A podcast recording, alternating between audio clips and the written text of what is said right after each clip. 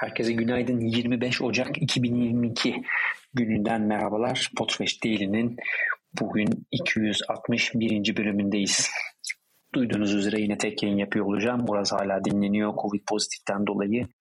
Bugün e, kendisine keyifli ve sağlıklı günler dileyen dinleyicilere de teşekkür ediyoruz. Buradan da Uraz'ı iletmiş olalım. Umarım kısa zamanda iyileşir ve aramıza katılmış olur. Şimdi ilk haberimize başlayalım.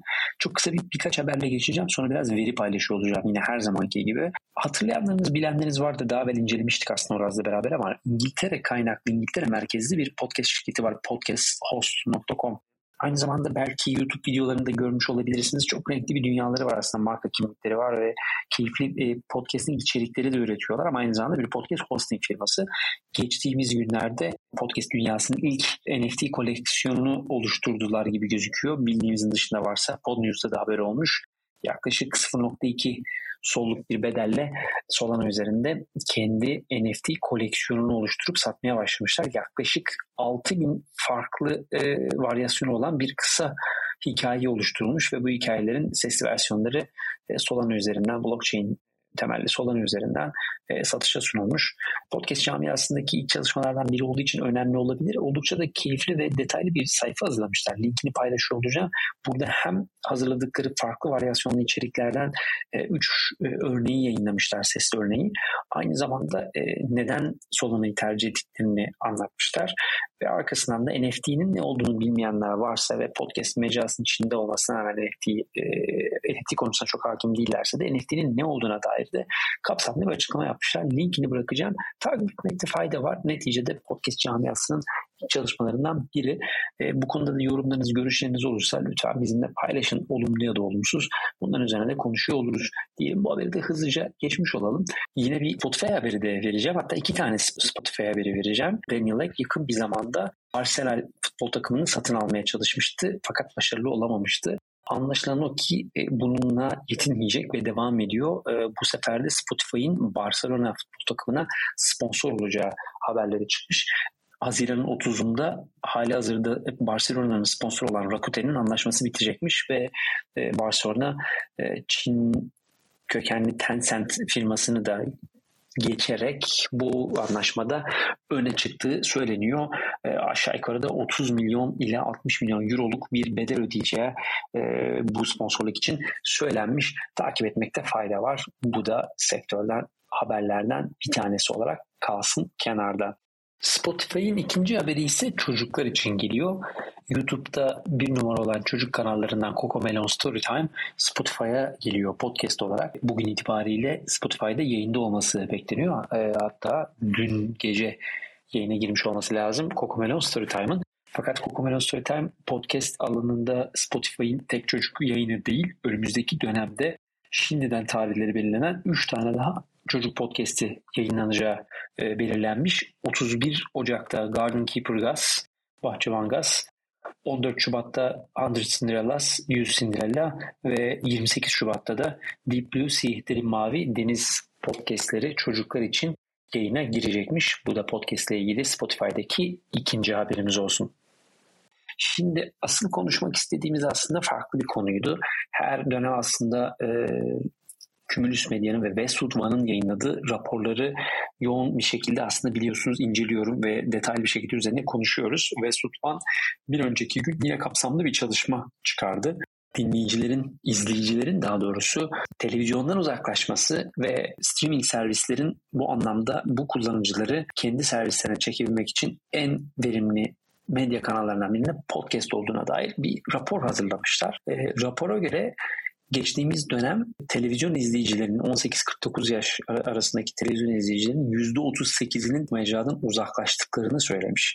Harcadıkları zamanları da çıkarmışlar. 2018'de %82 zaman ayrılırken 2.46 e, saatlik bir dinlemeden bahsediliyor günde. 2021'de bu %66'ya düşmüş ve 1.40 saat yaklaşık bir saat daha az vakit harcıyor e, potansiyel dinleyicilerin, izleyicilerin %38'i.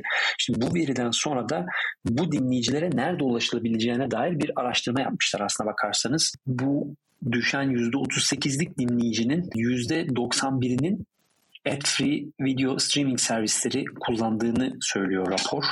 ve aynı zamanda bu kişilerin de haftalık %91'inin haftalık podcast dinleyicisi olduğunu söylüyor. Dinleyiciler aynı zamanda Netflix, Amazon Prime, Hulu, Spotify, Disney Plus gibi sırayla servisleri de haftalık olarak tükettiklerini belirtiyor. Yani televizyondan, kablo TV'den kaçan, çıkan izleyiciler hem podcast dinleyicisi haftalık olarak takip ediyorlar. Yaklaşık haftada 10 saat podcast tüketiyorlar.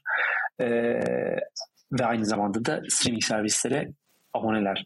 Dolayısıyla buradan da gitmeye çalıştığı yer aslında diyor ki podcast dinleyicilerinin %40'ı sadece advertising free video servisleri kullanıyor. Ee, buradan da yola çıkarak aslında e, Netflix ve benzeri servislerin podcast mecrasında bu kullanıcılara ulaşabileceğini anlatıyor.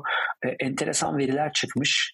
Tabii ki burada bir ufak veri de şunu verebiliriz. Geçtiğimiz yıl içerisinde 2021 yılında e, streaming servislerinin, streaming video servislerinin reklam harcamalarının hangi kanallara yapıldığından bahsetmişler. 1.3 milyar doları e, lineer TV'ye harcanmış e, reklam bütçelerinin. 29.6 milyonu podcast'e podcast mecraları da harcanmış reklam olarak. 5.6 milyon da e, EMFM radyoya harcanmış. Şimdi buradan aslında Westwood'un e, çıkarmaya çalıştığı e, verinin anlamını daha rahat çıkarabiliriz. Bir anda %38'i kaybedilen bir dinleyici kitlesi varken hala 1.3 milyar dolar reklam harcamasının televizyona yapılmasını ama bu kaçan kişilerin e, ad free servisler kullanırken ve podcast dinlerken podcast'e daha az reklam bütçesi ayrılmasını sorgulamış ve burada aslında bir fırsat olduğunu podcast mecrasının özellikle e, streaming servisleri için e, biçilmez kaftan olduğundan bahsetmişler. Kapsamlı bir e, çalışma e, yine burada 25-30 sayfalık bir çalışma var. Radyolardan tutun da televizyona kadar e, harcamaların ve reklam harcamaların olduğu detaylı bir çalışma. Mesela geçtiğimiz sene Magellan AI'nın da bizim de değerlendirdiğimiz Q1-Q4 arası e, podcast reklam harcamaları verileri vardı. Onları da burada görebilirsiniz. Q1'in 2021'in Q1'inde 3.7 milyonken 2004'te 12 milyonluk bir reklam harcaması yapmış e, video streaming markaları. Totalde de geçtiğimiz yıl 29.6 milyon dolarlık bir harcama olmuş. Bunun da yüzde kaçının hangi markadan geldiğini e, belirtmiş. Mesela %30'u Peacock'tan, %12'si Sling TV, %11'i AMC Plus gibi devam ediyor. E, göz atmanızı tavsiye ederim. Burada oldukça faydalı içerikler var. Günün sonunda aslında çıktığımız yer şu. E, Nielsen'in raporuna göre ciddi bir e, TV kullanıcısında düşüş var. E, podcast dinleyicileri aynı zamanda ad-free video streaming servislerinin e, yoğun tüketicileri aynı zamanda e, reklam verenler kayıp TV kullanıcılarına aslında podcast reklamlarıyla ulaşabiliyorlar demiş. Raporu tekrardan linke bırakacağımı söylemiştim. Bugünlük bizden bu kadar. Verilerimiz bununla ibaret kalsın. Yarın daha kapsamlı farklı bilgilerle bir arada olacağız. Herkese keyifli bir gün diliyorum. Görüşmek üzere.